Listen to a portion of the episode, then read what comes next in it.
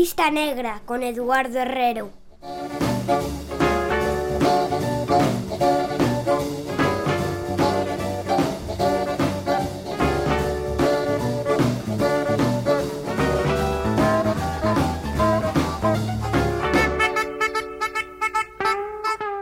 Chegou o teu momento, a túa hora, o teu turno.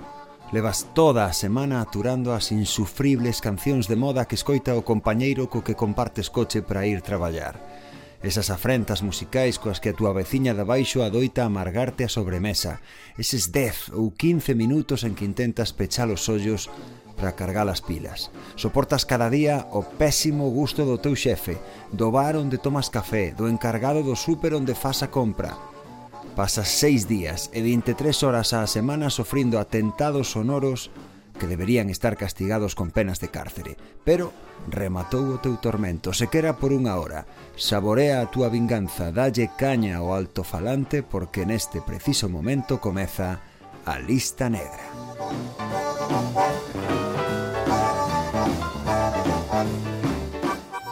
Un espazo dedicado aos máis grandes do blues, a música máis honesta que existe.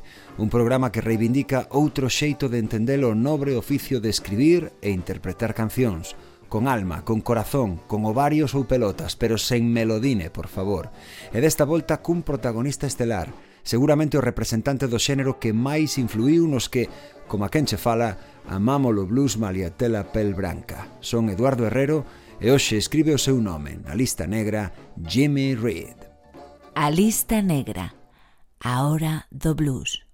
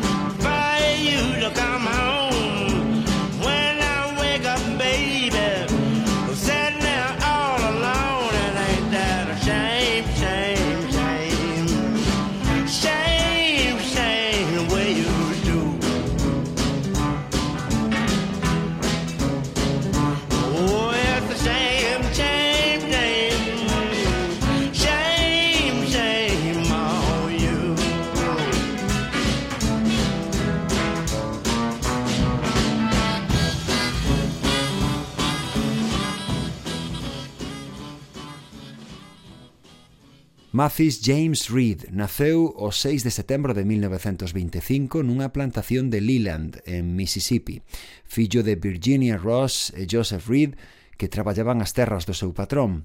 Aos seis anos, o pequeno Jimmy comezou a tocar a guitarra, ou máis ben, un daqueles instrumentos rudimentarios que naquela época se facían con caixas nos estados do sur. Cada tarde, despois de axudar os seus pais nos labores do campo, el e o seu amigo Eddie Taylor Xuntábanse baixo a sombra dunha árbore e practicaban sen descanso. Aquel prototipo de guitarra foi o único xoguete que coñeceu ao longo dunha infancia marcada pola pobreza.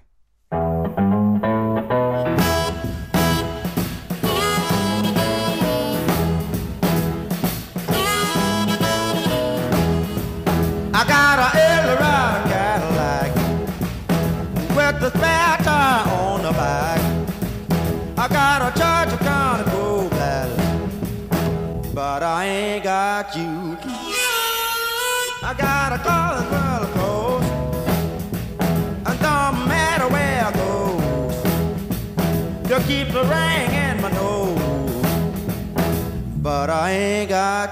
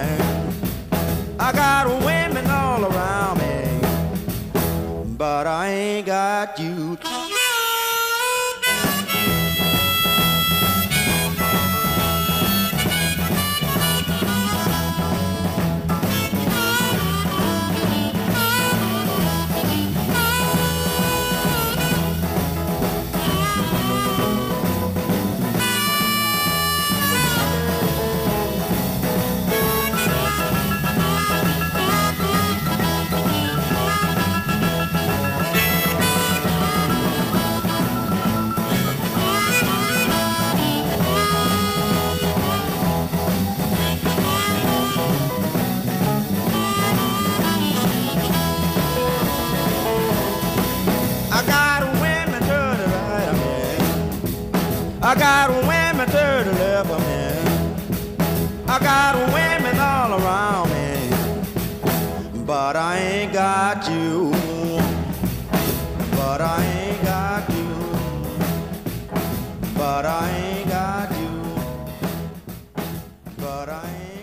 Ademais da súa habilidade innata como instrumentista, Jimmy Reed desenvolveu tamén desde moi novo as súas dotes como cantante. Sendo aínda un cativo, formou parte dun trío vogal de gospel que chegou a gozar de certa zona na denominada Igrexa Baptista do Descanso do Peregrino. Pero a música espiritual non acababa de satisfacer as inquedanzas dun cu de mal asento como a él, e aos 14 anos mudouse de Leland a Duncan, onde vivía seu irmán, 50 millas ao norte do seu estado natal de Mississippi. Ali sumouse tamén aos traballos de cultivo e polas noites adoitaba erguerse do catre ás agachadas para tomar prestada a guitarra do seu irmán e practicar onde ninguén puidese escoitalo, non sen antes prepararse unha bebida ben fría. Música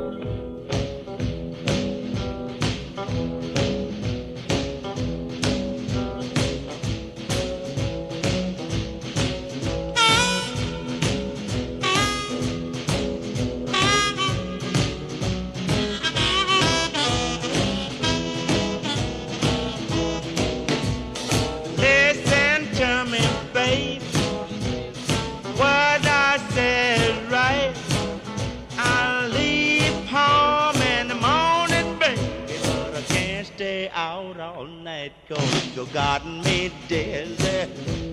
Yeah, you got me dizzy. Yeah, you got me dizzy.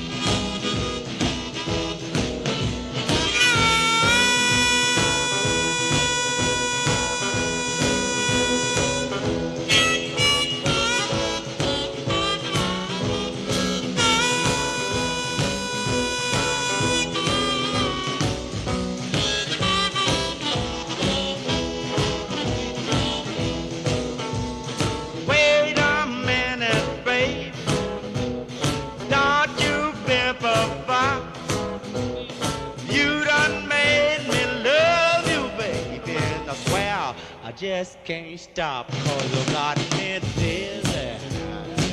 Oh, you got me dizzy.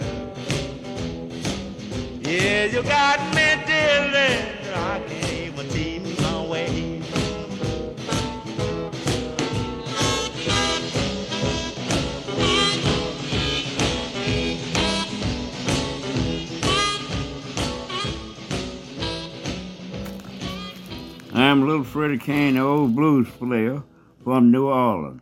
You are listening to a Negro. Despois de pasar un ano en Duncan, Jimmy Reed puxo rumbo ao norte do país para se instalar en Chicago, onde vivía outro dos seus irmáns.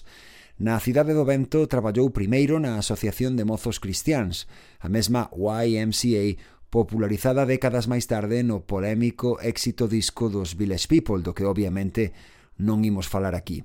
Jimmy empregouse máis tarde na compañía de carbón Hefter ata que en 1943 foi chamado a filas pola Marina dos Estados Unidos.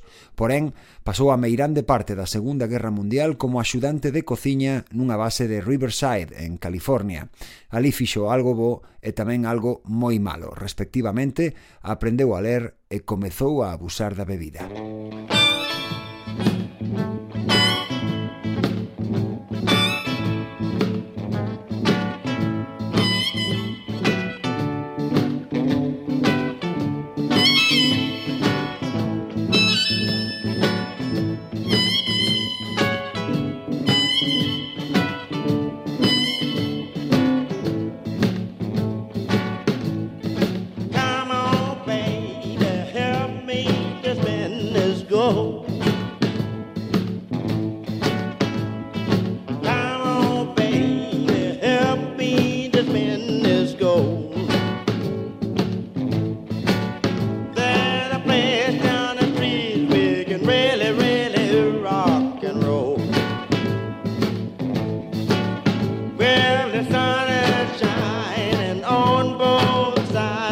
street.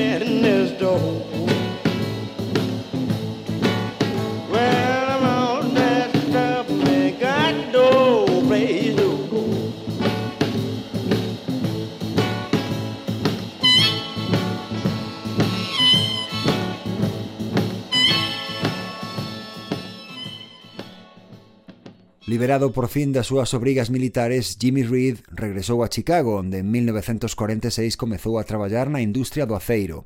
Un dos seus compañeiros na compañía Valley Mold Iron Works era un baixista chamado Willie Joe Jaddy Duncan, Jimmy e Jody comezaron a tocar xuntos primeiro na casa e pouco despois en pequenos establecementos, bares informais ou directamente na rúa.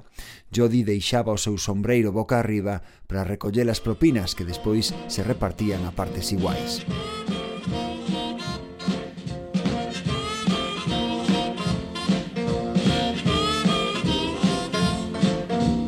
No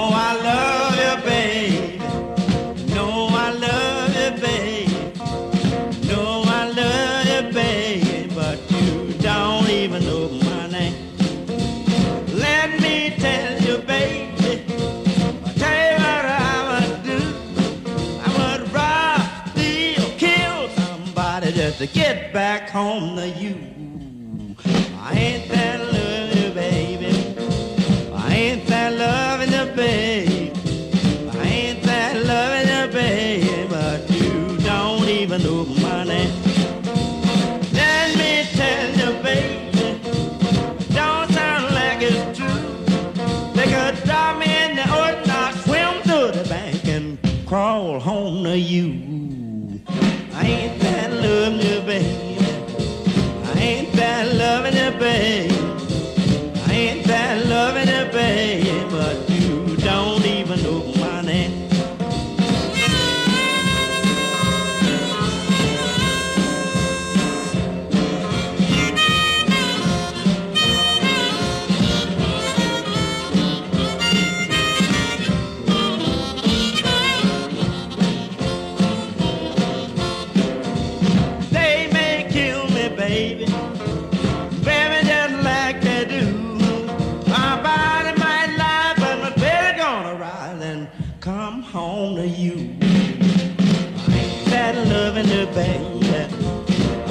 that love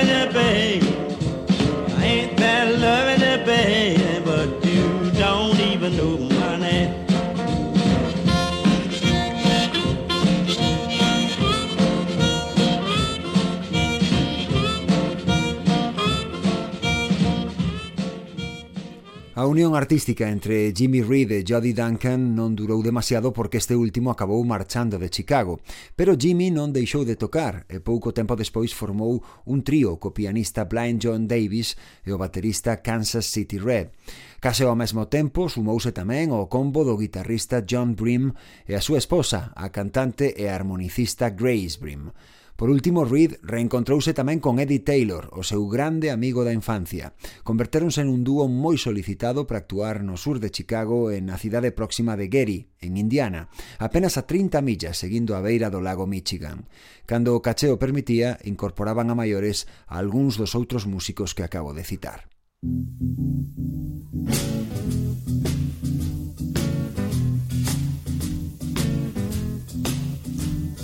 I ever do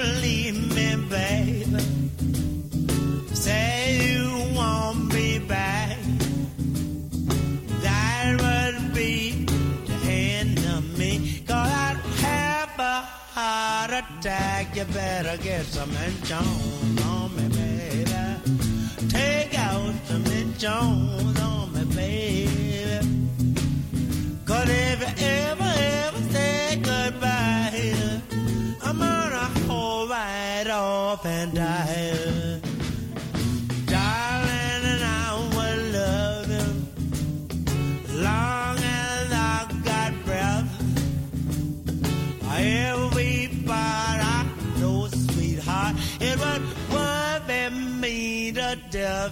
Better get some insurance on me, baby. Take out some insurance on me, baby. Cause if you ever, ever say goodbye, I'm gonna hold right off and die. Don't get sick, an accident, cause I'm if you got any sense, you take a hand and get a straight life on me. You don't know me, baby like I know myself. I couldn't live if you should give all your love to someone else. You better get some insurance on me, baby. Take out some insurance on me, baby. Cause if you ever, ever say goodbye, I'm gonna hold right off and die.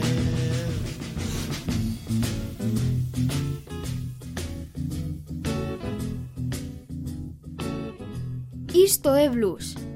Isto é a lista negra. Nesa mesma época en que uniu forzas con Eddie Taylor, Jimmy Reed De un paso máis aló incorporou a armónica como instrumento complementario da súa voz e guitarra. Para poder seguir tocando esta última o tempo que sopraba e aspiraba a armónica, axudábase dun soporte colocado á altura do pescozo, semellante ao que anos máis tarde acabaría por popularizar Bob Dylan. Reed explicou no seu momento que non perfeccionou o seu estilo sinxelo e efectivo ata que deu como modelo Marine Band de Honor, o mesmo que Dylan emprega aínda a día de hoxe. Caress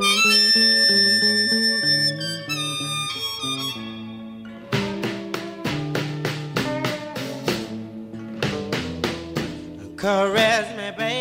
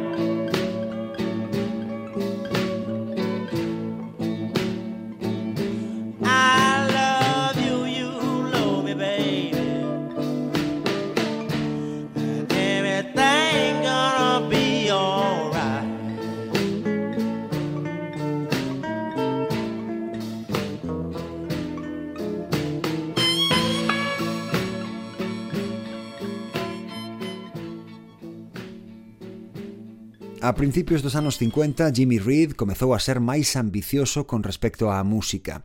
Non conforme con limitarse a actuar en directo, o noso protagonista decidiu probar sorte nun estudio.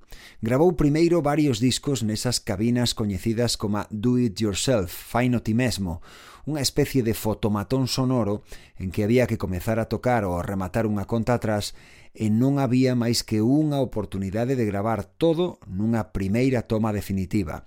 Con ese material baixo o brazo, Reed fixou unha proba para Leonard Chess, propietario do célebre selo do mesmo nome, pero a Jimmy pasoulle o mesmo que a Freddie King e a tantos outros bluesmen, con Muddy Waters, Howlin' Wolf ou Little Walter en nómina, en Chess tiñan xa traballo de seu. Por sorte non tardou en atopar un plan B en Vivian Carter, locutora de radio que acababa de fundar o selo VJ na mesma cidade de Gary, onde Reed adoitaba tocar con Eddie Taylor.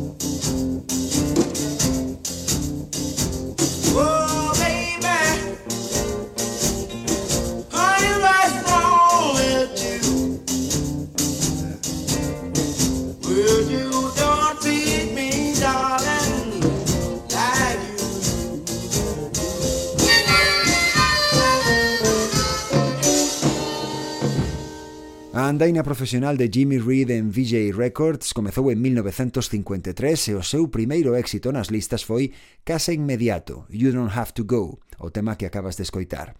Detrás viñeron outros moitos. O estilo directo, accesible, case cordial de Reed fixo del un dos bluesmen de maiores vendas nos Estados Unidos ao longo de toda esa década. Outro dos seus singles máis célebres foi Honest I Do, que mesmo traspasou fronteiras e mereceu unha versión gravada polos Rolling Stones pro seu álbum de debut en 1964. Jimmy era un dos artistas negros máis admirados polos membros da banda británica, moi orientada ao blues nos seus inicios.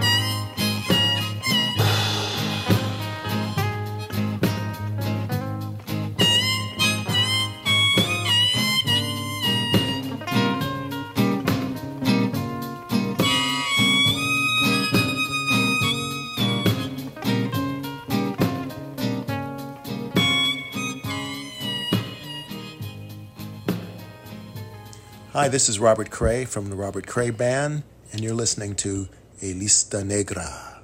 Pero non só os Stones recrearon temas seus. Jimmy Reed tamén marcou o achegamento ao blues de outros grupos británicos da época como a The Animals, Them, a formación norirlandesa en que comezou Van Morrison, ou The Yardbirds, por onde pasaron Eric Clapton, Jimmy Page e o xa desaparecido Jeff Beck, tres dos mellores guitarristas das illas. Para todos eles, Jimmy foi un referente á hora de tocar as seis cordas, igual que o foi na súa faceta de cantante para tipos como a Rod Stewart ou o mencionado Van Morrison. Os dous gravaron precisamente cada en súa versión deste tema que vas escoitar agora na voz de Reed, Bright Lights, Big City. Thank.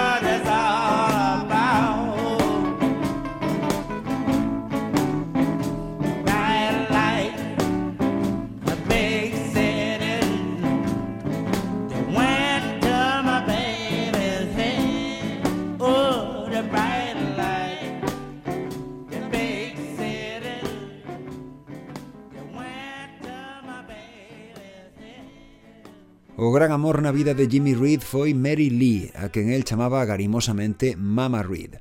Casaron en Mississippi en 1945, nada máis rematar a Segunda Guerra Mundial, e de volta en Chicago sacaron adiante nada menos que oito fillos.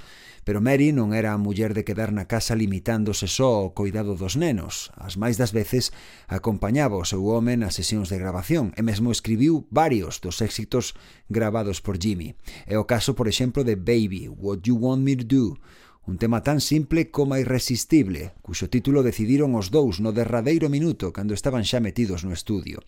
Era moi habitual que Mama Ruiz fose adiantándose á letra da canción que estaban a gravar, musitando o oído de Jimmy o verso que viña a continuación. Moitos deses chivatazos foron captados polo micrófono da sala en segundo plano e a súa voz pódese apreciar a pouco que unha fine orella e lles preste atención aos seus discos. No caso concreto de Baby, What You Want Me To Do, Mama Reed foi máis aló e decidiu harmonizar con Jimmy, quen pola súa banda se limitou a cantar e deixou as guitarras en mans de Eddie Taylor e Lefty Bates, mentres Marcus Johnson se ocupaba do baixo e Earl Phillips da batería. Aquí tes completa esa secuencia para a historia que tivo lugar en Chicago o 7 de agosto de 1959. What's the name of this? You, you got me doing what you want me. Hey. No, baby, what you want to let go? No, baby, what you want me to do? Baby, what you want me to do? Baby, What why, want- baby, why why, you want- baby, why you wanna let go? You could even make it why I let go. Make it short. Why I let go. Here we go. 59 dash 1211. got me running, you got me hiding,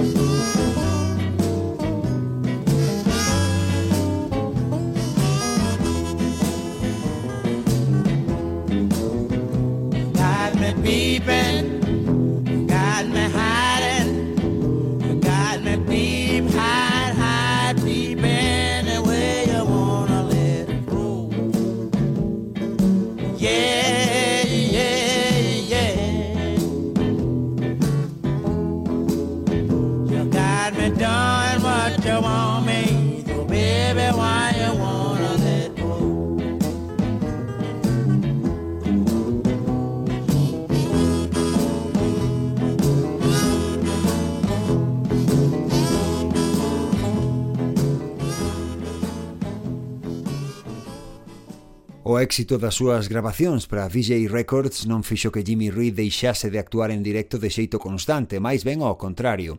Fora de Chicago, Jimmy foi sen dúbida un dos bluesmen de maior impacto entre a poboación de raza branca. Como che contaba antes, moitos solistas e grupos británicos atreveronse a versionar os seus temas, e algo semellante sucedeu tamén nos Estados Unidos, onde un deses singles en particular foi adaptado tanto por intérpretes de blues como, atención, do country. Non se trata dunha canción máis senón dunha das máis emblemáticas en toda a carreira de Jimmy Reed, tanto que ata a súa majestade o rei do rock, Elvis Presley, chegou a inmortalizala no programa especial de televisión que marcou o seu retorno, o Comeback Special de 1968. Ese tema levaba por título Big Boss Man. Mm.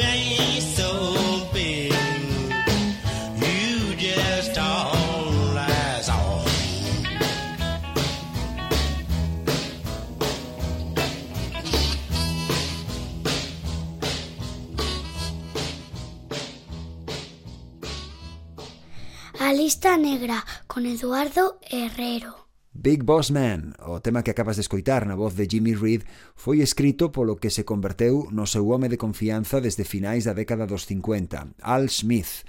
Baixista e líder da banda que acompañaba a Reed en directo, Smith exerceu tamén como organizador das xiras do bluesman e finalmente como seu representante. Pero ao descargar nel boa parte da súa responsabilidade, Jimmy comezou a abusar da bebida outra vez. Iso creoulle moi mala fama porque acabou por afectar as súas actuacións en directo. Entrado xa nos anos 60, as vendas de Jimmy Reed comezaron a caer en picado sen que ningún dos esforzos do seu selo discográfico por revitalizar a súa carreira dese o resultado pretendido.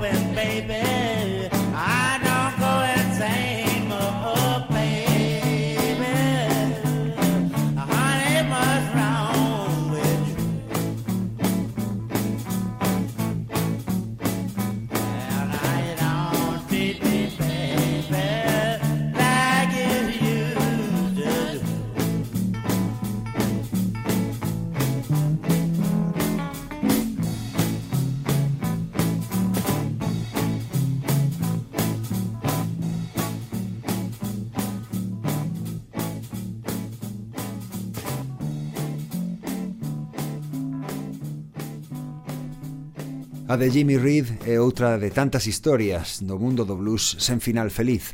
En 1966, a súa discográfica de sempre, VJ Records, declarouse en bancarrota. A iso sumouse un empeoramento progresivo da epilepsia que padecía o artista que asinou un novo contrato co selo ABC Blues Way, pero xa non foi quen de fabricar un éxito nunca máis. En 1968, seguindo os pasos de T-Bone, John Lee ou Sister Rosetta, entre outros moitos, Jimmy viaxou a Europa para actuar na edición daquel ano do American Folk Blues Festival. A súa carreira podía estar en clara recesión, pero a música de Reed era aínda poderosa. Música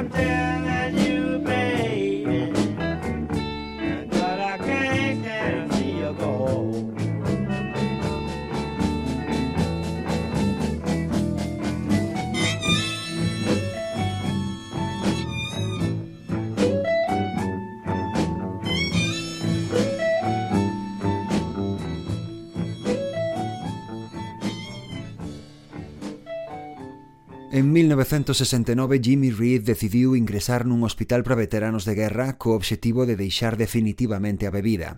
Permaneceu baixo coidados médicos ata 1973 e xa na recta final da súa vida, o bluesman recluíuse case por completo na súa casa, amargado polo esquecemento da industria musical e tamén pola súa incapacidade para conservar os cartos que gañara no seu día. Jimmy morreu o 29 de agosto de 1976 en Oakland, California, a causa dun fallo respiratorio, apenas unha semana antes de cumprir os 51 anos. Os seus restos foron soterrados no cemiterio Lincoln de Blue Island, en Illinois, a súa terra de adopción. A título póstumo foi incorporado ao Salón da Fama do Blues en 1980 e 11 anos máis tarde tamén o do rock and roll.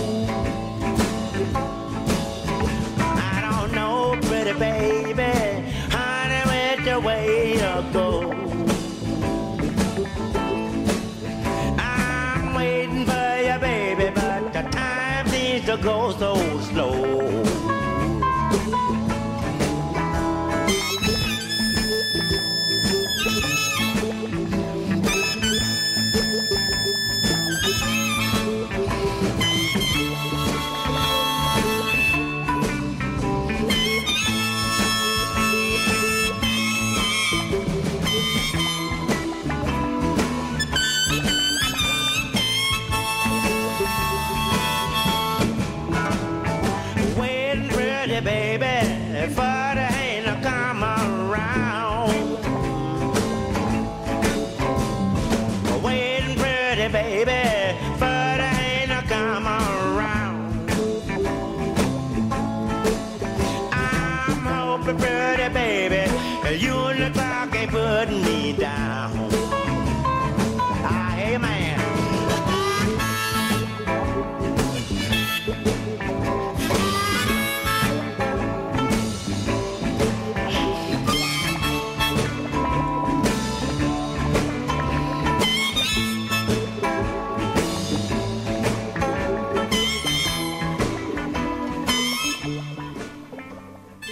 Jimmy Reed fíxose un oco entre os grandes do blues pese a non ter o carisma de Howlin' Wolf, o xenio de Maddy ou a técnica de B.B. King.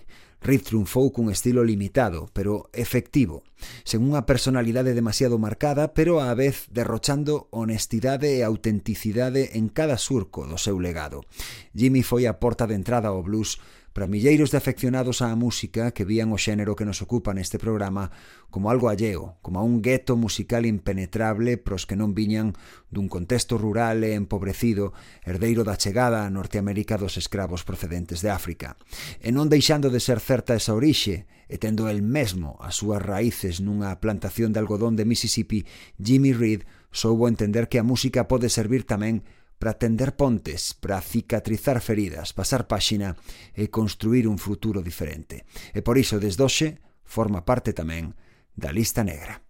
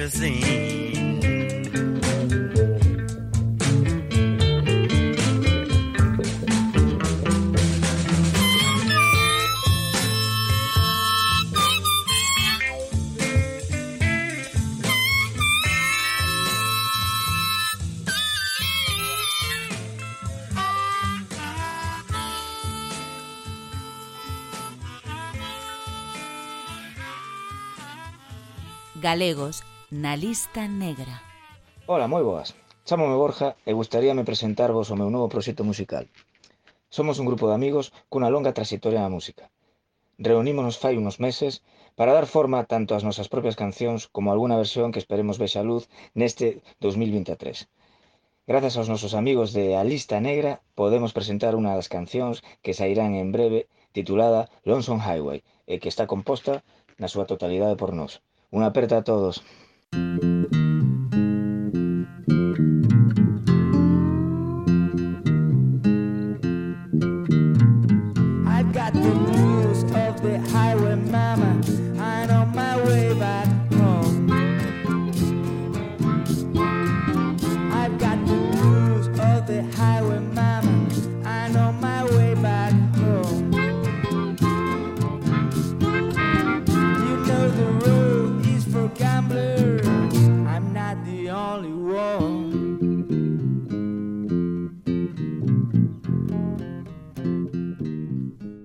Smooth and the Lone Wolves, o novo proxecto do meu compadre Borja Lesta. Noutra vida cabalgamos xuntos, rumbo a Durango, con gafas de sol e sombreiros de ala ancha. Voto de menos Smooth, teremos que organizar algo para desenfundar as guitarras de novo. Con blues feito na Coruña remata a lista negra. Recupera este episodio e todos os anteriores en iVoox, Spotify e radiogalegapodcast.gal e visítanos en Facebook e Instagram e fainos saber se queres que o teu proxecto soe tamén no programa. Eu son Eduardo Herrero e non has tardar en volver saber de min, porque cando xa non quede nada, o blues seguirá aí.